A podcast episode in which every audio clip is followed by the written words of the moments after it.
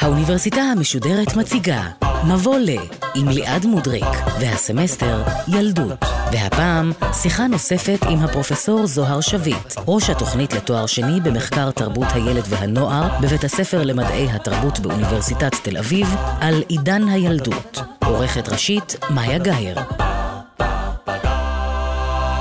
ערב טוב לכם, אתם על האוניברסיטה המשודרת ואנחנו בחלקה השני של הרצאת המבוא שלנו שפותחת את הסמסטר הנוכחי מבוא לילדות. איתי פרופסור אה, זוהר שביט, ראש התוכנית לתואר שני במחקר תרבות הילד והנוער באוניברסיטת תל אביב, שלום לך. שלום, שלום. ובשבוע שעבר תיארת מציאות שלנו היום ממש קשה לתפוס, של הילדים של המאה ה-17 ולפניה, שאינם מובחנים בכלל מהמבוגרים, וגם ממש ניתוק רגשי מסוים בין ההורים לבין הילדים. בהחלט, אה, ניתוק רגשי, שוב, זה מושג מודרני, כן. שאנחנו מביאים להבנת המציאות של המאות ה-17 וה-18. באמת לא היה קשר רגשי בין ההורים לילדים, לא היו הזדמנויות ליצירת הקשר הזה. הייתי רוצה בהקשר הזה סיפור אחד, סיפור על uh, אם ענייה שיולדת את הילד העשירי שלה, והכומר בא לדבר איתה, והוא מנחם אותה. והוא אומר לה, אל תדאגי, הכל יהיה בסדר, סביר להניח שהוא לא ישרוד. כלומר, אנשים הביאו ילדים לעולם, הרבה מאוד ילדים, כדי שכמה מהם ישרדו, כן. ואין עדויות על שכול וכאב נורא כשהילדים מתו. זה לא אומר שאנשים בכלל לא הצטערו, זאת אומרת, אבל ביטויי הפרידה מהילד הם מאוד מאוד שונים מהכאב הנורא שמאפיין היום הורים ששכלו את...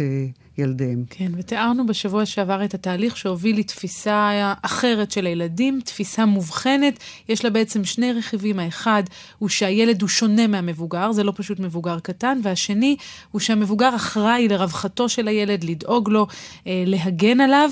ואת בעצם תיארת תהליך שבו, מכיוון שילד הופך להיות יותר ויותר חשוב, דווקא במאה ה-19 אנחנו רואים התייחסות אל הילד מאוד ממשטרת, זאת אומרת שאומרת, אנחנו צריכים ליצור מבוגרים טובים מתוך הילדים האלה, אז כדי לעשות את זה נשתמש בכל האמצעים העומדים לרשותנו, כולל אלימות. בדיוק כך. התפיסה היא שהילד נולד בחטא, ולכן החינוך שלו צריך להיות חינוך מאוד קפדני, כולל ענישה גופנית, וענישה גופנית תמיד מוצאת לעצמה את התימוכין בתנ"ך, כן? חוסך שבטו שונא בנו, אנחנו מכירים את זה, והם בהחלט מפעילים הרבה מאוד את השבט. אבל היו רק... גם אה, דוגמאות אחרות, אני חושבת נגיד על ז'אן ז'אק רוסו, שאנחנו עוד נעסוק בו כשנדבר נניח נכון. על הפילוסופיה של החינוך, הוא מדבר על הילד כמי נכון. שנולד טוב וטהור, ורק צריך לא להפריע לו. בדיוק כך. הז'אן ז'אק רוסו הוא באמת דוגמה לפילוסופיה שונה ואחרת, אגב, בצרפת, אה, לא באנגליה, אם כי גם ג'ון לוק...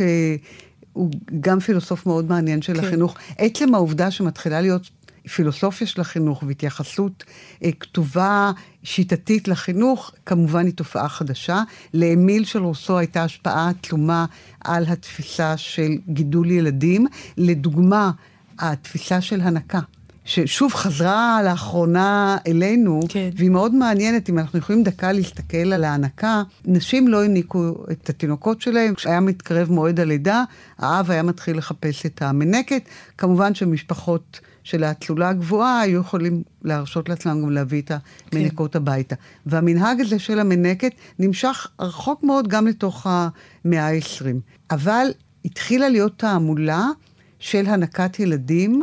אני אפילו לא יודעת עד כמה הוא מודע לעניין הבריאותי. היום אנחנו אומרים, כן. ההנקה מחסנת את התינוק וגם יוצרת בונדין קשר בין הילד לאימו. אז רוסו מאוד אה, תמך בהנקה וכעס מאוד על אימהות שמטעמים אגואיסטיים של גם אובדן רב של זמן, הן לא יכולות להיות בבילויים כשהן מניקות, וגם אה, קצת אובדן ה...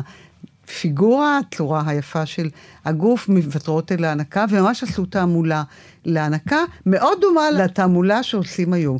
אבל צריך לזכור שגם עניין ההנקה עבר שינויים רבים. בשנות ה-70 היה מקובל לא לתמוך בהנקה. אם הילד בכה, היו אומרים להם, תעברי לפורמולה, כן. וכדי שהוא יגדל טוב. כלומר, גם התפיסה פה משתנה כל הזמן, וזה אגב אחד הדברים המרתקים במחקר הילדות, לראות איך התפיסות של איך צריך לגדל ילדים משתנות ומשתנות כל הזמן. שזה אגב, אה, את יודעת, בתור אני אימא כבר לא כל כך צעירה, אבל בכל זאת, אה, אנחנו כל הזמן מוצפים בעצות הנקה וחוכמות, תיאוריות, מה נכון ומה לא נכון, והדבר הזה גם מאוד תלוי תרבות, הוא משתנה בהחלט. כל הזמן, צריך תמיד לקחת הכל בערבון מוגבל. בהחלט, את יודעת, מצד אחד מדברים על כך שההנקה היא שוב דרך למשטר את האנשים, כי זה כובל אותם. אה, ולכן הייתה תנועה נגד ההנקה, כן. שמדברת בשם האישה, שזה שולל ממנה את זכויות הבסיסיות שלה. כן. אבל את יודעת, לא ניקח אפילו דבר כל כך מסובך כמו הנקה, כי זה תלוי אם להם יש מספיק חלב, אם זה באמת יוצר את הקשר בין האם לילד, או להפך, גורם לרגשות אחרים. אה, ניקח את העניין של איך משכיבים תינוק. כן. כמה זה השתנה? אני גידלתי שלושה ילדים.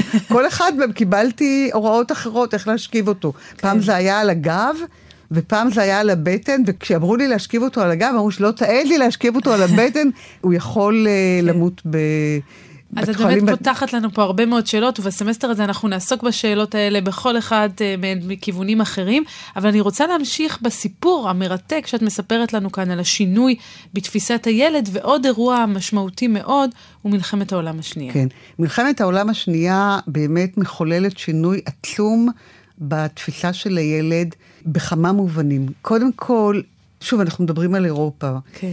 יש הבנה שהדור שנלחם הוא דור חוטא, הוא דור אבוד. וכדי להציל עכשיו את האנושות, צריך לגדל דור חדש באופן אחר. ואז מתחילים לשים על הילדים את כל התקוות שלנו, את כל ה... התפיסות שלנו על עולם טוב יותר. הילדים הם העתיד והם כן. הסיכוי שלנו לצאת מהמצב הנורא שבו אנחנו נמצאים. ויחד עם זה מתחיל להתפתח שיח על זכויות הילדים.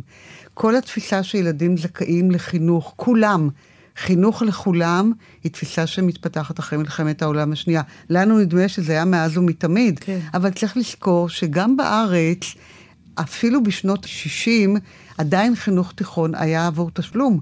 ולא כל המשפחות יכלו להרשות לעצמם לתת לילדים שלהם חינוך בתיכון. אז כל התפיסה הזאת של זכויות ילדים ושימת הילדים במרכז מתפתחת אחרי 45. והיא, אני חושבת, שלטת עד היום בחברה המערבית. כלומר, התפיסה שהילדים הם העיקר, שאנחנו צריכים להשקיע את כל המשאבים שלנו, משאבי הזמן, משאבים כלכליים, משאבים תרבותיים, את כולם אנחנו צריכים להשקיע בילדים, כי הם העתיד והם הדבר הטוב שיכול לצמוח מהחברה הנגועה שלנו. זה ממש היפוך של היוצרות, לא? בהחלט. אבא שלי, מותר לספר, תמיד קיטר על זה שהוא נולד ב-1904, כמובן גדל עם אומנות. כן. ההורים בדרך כלל היו באיזשהם מסעות בספה בכל העולם, והוא תמיד אמר, כשאני הייתי ילד, ההורים היו הדבר הכי חשוב. כשהפכתי אבא, אז הילדים נעשו הדבר הכי חשוב, אז אני תמיד מקופח כן. מכל כיוון. אבל מעבר לעניין שהם במרכז, גם העניין הזה של ה...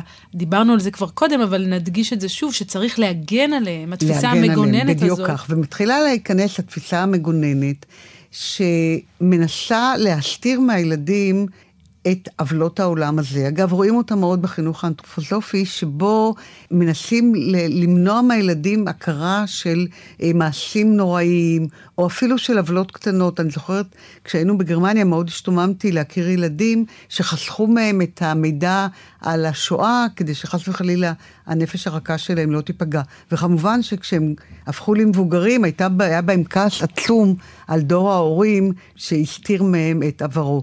אבל התפיסה שצריך לגונן על הילדים ניכרת מאוד בספרים לילדים. אולי עכשיו כדאי לומר משהו בכלל על ספרות לילדים. ספרות לילדים, ספרים לילדים, היא תופעה אה, יחסית חדשה. שמתפתחת בעיקר החל מהמאה ה-19. במאה ה-18 עדיין אין ממש ספרי ילדים, יש ספרי הליכות, ספרי נימוסים, ספרי א'-ב', ספרי לימוד, אבל ספרי ילדים במובן שאנחנו מכירים אותו היום לא קיימים במאה ה-18, הם מתפתחים מאוד במאה ה-19, חלק מיצירות המופת של הספרות הילדים העולמית כן. נכתבות במאה ה-19. השינוי חל בעיקר במחצית השנייה של המאה ה-19, כי קודם כל הספרים הם מאוד מאוד חינוכיים, mm-hmm. והילדים לומדים מהם שאם הם לא יתנהגו יפה, הם ילכו לגיהנום, ויש המון סיפורים על ילדים שמתים, כן. או סיפורים על ילדים שהאבא לוקח אותם לראות שכנה שנפטרה, כדי שיבינו כמה החיים שלנו הם בני חלוף. וזה בפרט וכ... מעניין, אנחנו עוד נעשה כאן, אה, יש לנו תוכנית גם שעוסקת בספרות ילדים וגם בייצוגים של ילדים כבר. אחת השאלות שאותי תמיד מעניינות זה למה תמיד הילדים הם יתומים בספרים האלה, או לא פעם המשפחה מנוטרלת מתוך הסיפור. באין משפחה, כן. כן, יש הרבה סוגיות מרתקות בעניין הזה של ספרות ילדים, אבל בהקשר שלנו, של המהלך שאנחנו מנסות לעבור פה ביחד, זה מעניין כי הם פתאום הופכים להיות קהל יעד. הם הופכים להיות קהל יעד, הם הופכים להיות צרכנים, והיכולת שלהם כשוק של צרכנים הולכת וגוברת. אני חושבת שהיום היא בשיאה. כי אם אנחנו נסתכל היום על המרחב שאנחנו חיים בו, יש יותר ויותר מוסדות וגופים וחברות שמופנות לילדים. במדף במוצרי כן. החלב יש מוצרים לילדים.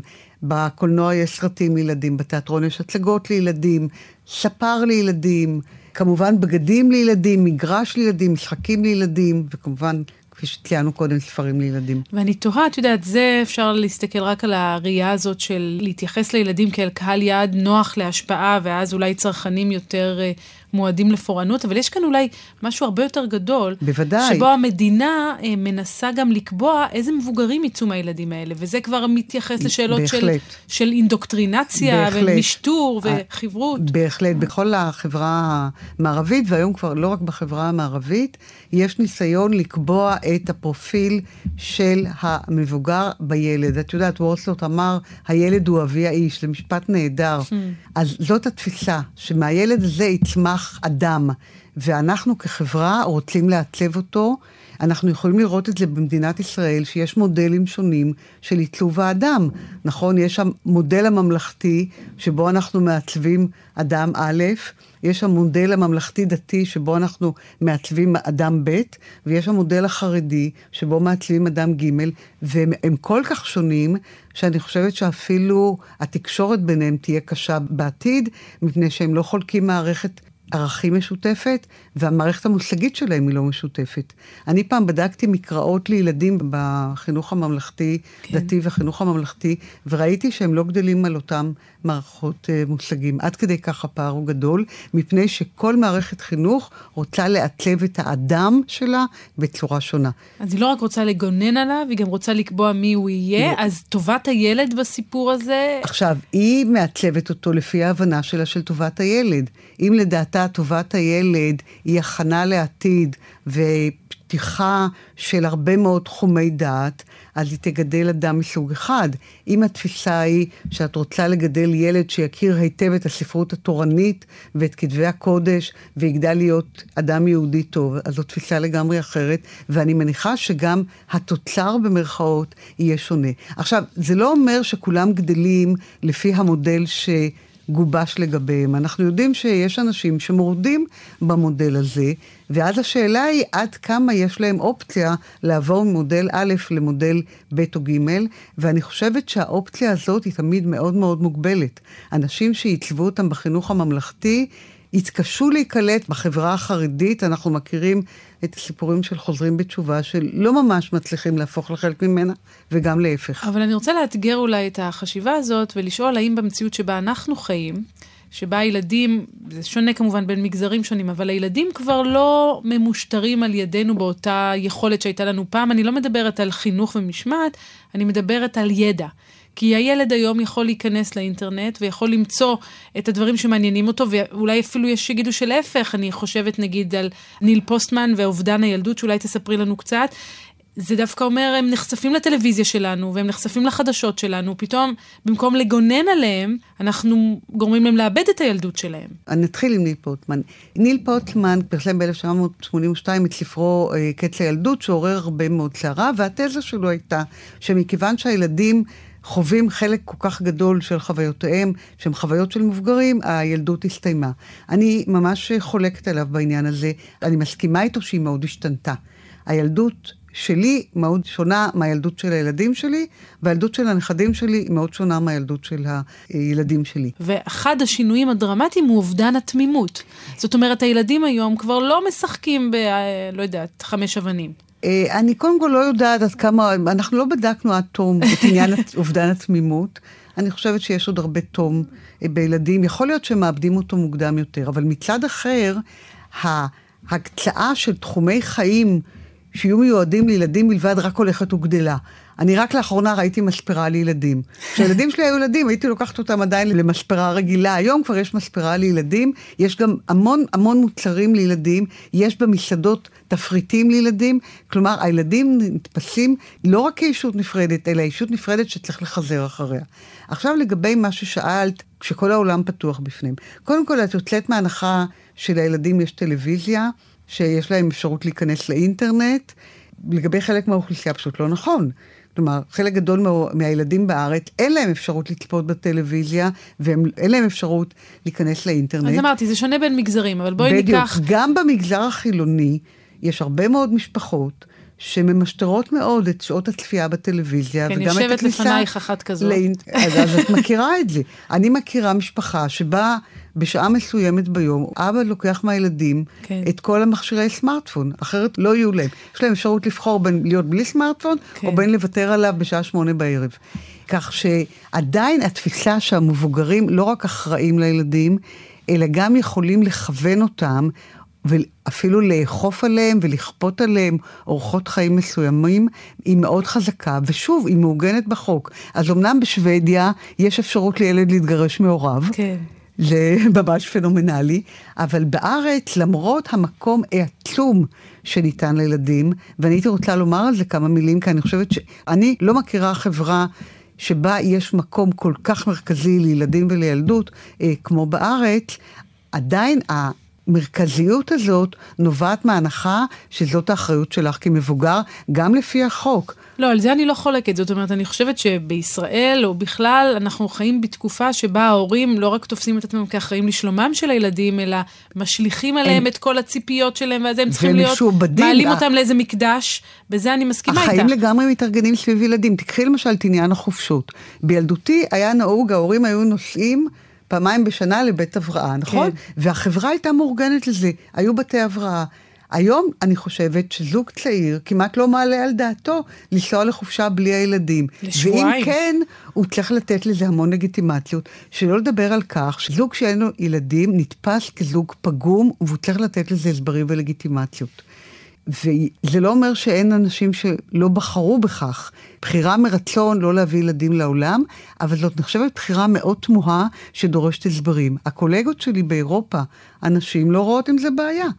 הם החליטו לעשות קריירה, והם אה, החליטו לא להביא ילדים לעולם, כי ילדים באמת מפריעים לקריירה. כן. ואיך את מסבירה אז את המשקל הגדול ששמים בחברה הישראלית על ילודה? זה בעינייך, שוב, את הרי מסתכלת דרך המשקפיים התרבותיים והחברתיים, זה צורך קיומי כדי להילחם באיום הדמוגרפי, מאיפה זה מגיע? אני לא יודעת אם זה בגלל ההיסטוריה שלנו, או הצורך לקיום דמוגרפיה. אני מסתכלת עלינו כחברה, ורואה שאין עוד חברה בעולם שמוכנה להשקיע כל כך הרבה משאבים כדי להביא תינוקות לעולם, אפילו במחיר של סיכון היולדות, האימהות. זאת אומרת, אימהות ממש מסכנות את עצמן בטיפולים כדי שיזכו בילד. יש אצלנו משהו שהוא על סף החולניות ביחס לילדים, ואנחנו משקיעים את המשאבים שלנו, את רוב המשאבים שלנו בילדים. כשאני מסתכלת על הקולגות שלי באירופה, הן, הן מתמסרות לקריירה שלהן בלי שום רגשי אשמה. והקולגות שלי ואני היינו מוכנות לשלם הרבה זמן, הרבה כסף, כדי שתהיה לנו הזכות לעבוד. כלומר, הילדים בינינו הם דבר כל כך חשוב, והוא באמת חשוב. תראי, ברגע שיש הדפוס הזה, אז הוא כבר באמת חשוב. זאת אומרת, זה דבר שאנחנו מאמינים בו, זה דבר שאנחנו גדלים איתו, זה דבר שאנחנו מקדשים. אז ללא ספק, בחברה הישראלית, לילדים יש מקום מרכזי יותר מאשר בחברה באירופה. בואי רגע בכל זאת אבל נרחיק ראות ונפתח את uh, רוחב ההסתכלות שלנו. דיברנו על השינוי במושג הילדות, אבל בעצם היה חבוי בו שינוי במושג ההורות. בהחלט. טוב, זה תמיד הולך יחד, זאת אומרת, המושג ההורות ממושג של כמעט נתק בין הורים לילדים. אגב, מציאות ש... אנחנו יכולים למצוא שרידים שלה אפילו היום, מפני שעד היום בני המעמדות הגבוהים באירופה שולחים את הילדים לפנימיות. תחשבי על בני הצולה, נכון? כן. כולנו עקבנו אחרי דיאנה שבאה לבקר את הילדים שלה בעיתון. אז למרות שהיא ניסתה להציג מודל חדש של אימהות, היא בכל זאת לא יכלה לשלוח אותם לבית ספר רגיל, היא שלחה אותם לפנימיות. אצלנו מאוד מקובל באוכלוסייה הדתית והחרדית לשלוח את הילדים בגיל צעיר לישיבה. אז גם העניין הזה שמוצאים את הילדים מהבית לא נעלם. אבל הוא קורה בשלב מאוחר יותר, ובציבור החילוני מאוד מאוד מקובל לא סתם לגדל את הילדים בבית, אלא לגדל אותם באופן, לגדל אותם בבית, לג... כן. עד, עד הנצח, okay. אוקיי. ולגדל אותם מאוד צמוד.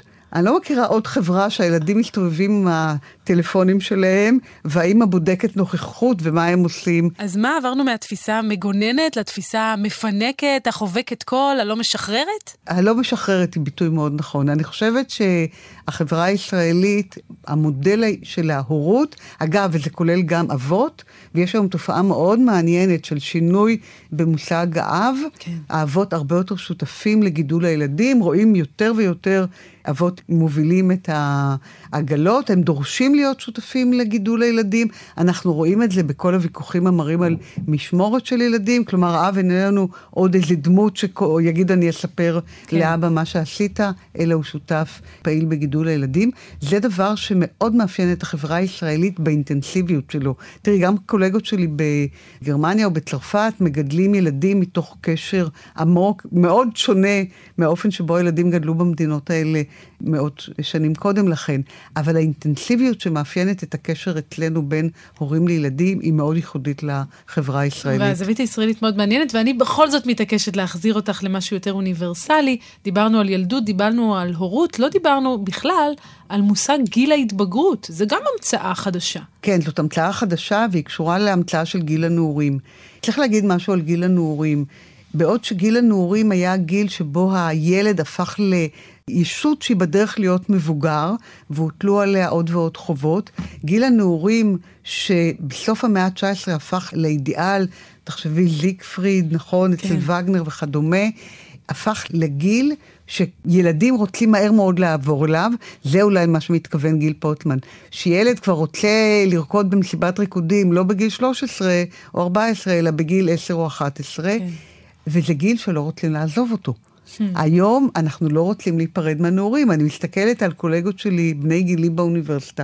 הם לובשים ג'ינס, כי הם רוצים להמשיך להרגיש חלק מן הנעורים. אנשים משקיעים הון כסף כדי להיראות בגיל הנעורים, ואנחנו מהילים היום, ללא ספק, את הנעורים כתקופה שאנחנו הכי רוצים לשמור עליה והכי רוצים להשתייך אליה. אבל זה גם אז בעצם סוג של היפוך uh, מסוים בסדר המחשבה, כי אם בעבר הילדים רק חיכו שהם יתבגרו ויהפכו להיות מבוגרים ונגמור עם השלב הזה, אז עכשיו מבוגרים רוצים להיות ילדים או נערים. או נערים, נכון, ובגלל זה גם uh, יש המון מחקרים על זה שהם לא עוזבים את הבית. באיטליה זה הפך ממש לבעיה לאומית.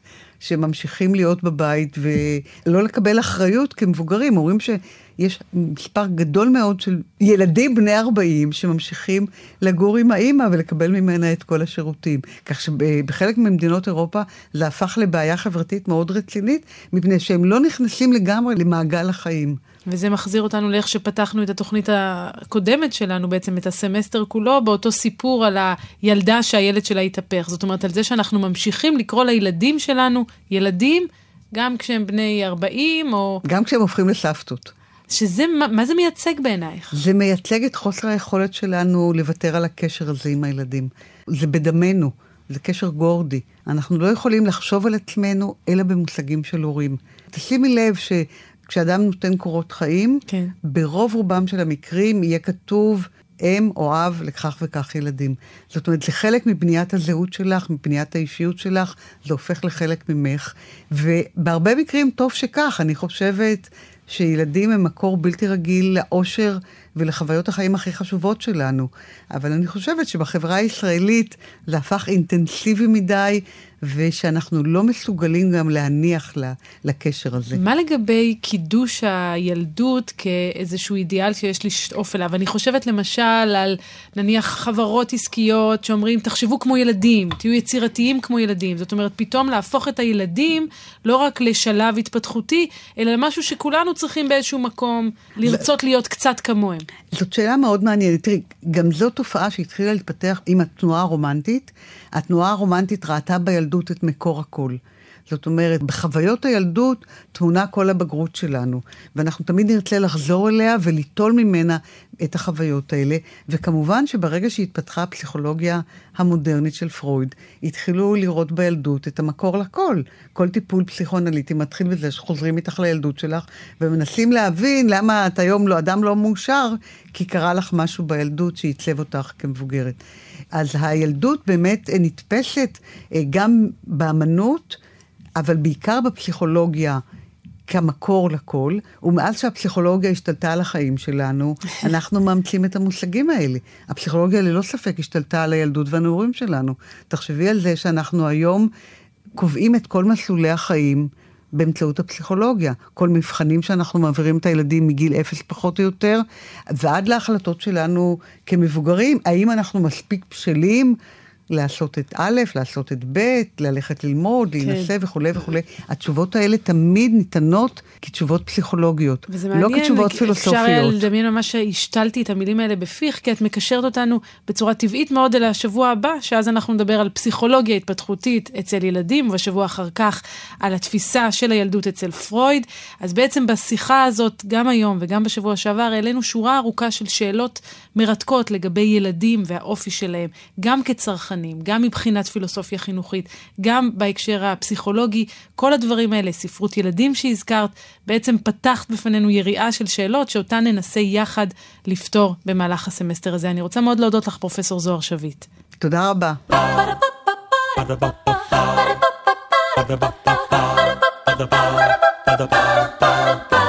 האוניברסיטה המשודרת, מבוא ל. ליעד מודריק שוחחה עם הפרופסור זוהר שביט, ראש התוכנית לתואר שני במחקר תרבות הילד והנוער בבית הספר למדעי התרבות באוניברסיטת תל אביב על עידן הילדות. עורכת ראשית, מאיה גאייר. עורכת ומפיקה, יובל שילר. עורכת הדיגיטל, נועה שינדלר. האוניברסיטה המשודרת, בכל זמן שתרצו, באתר וביישומון גלי צה"ל ובדף הפייסבוק של האוניברסיטה המשודרת. papagay.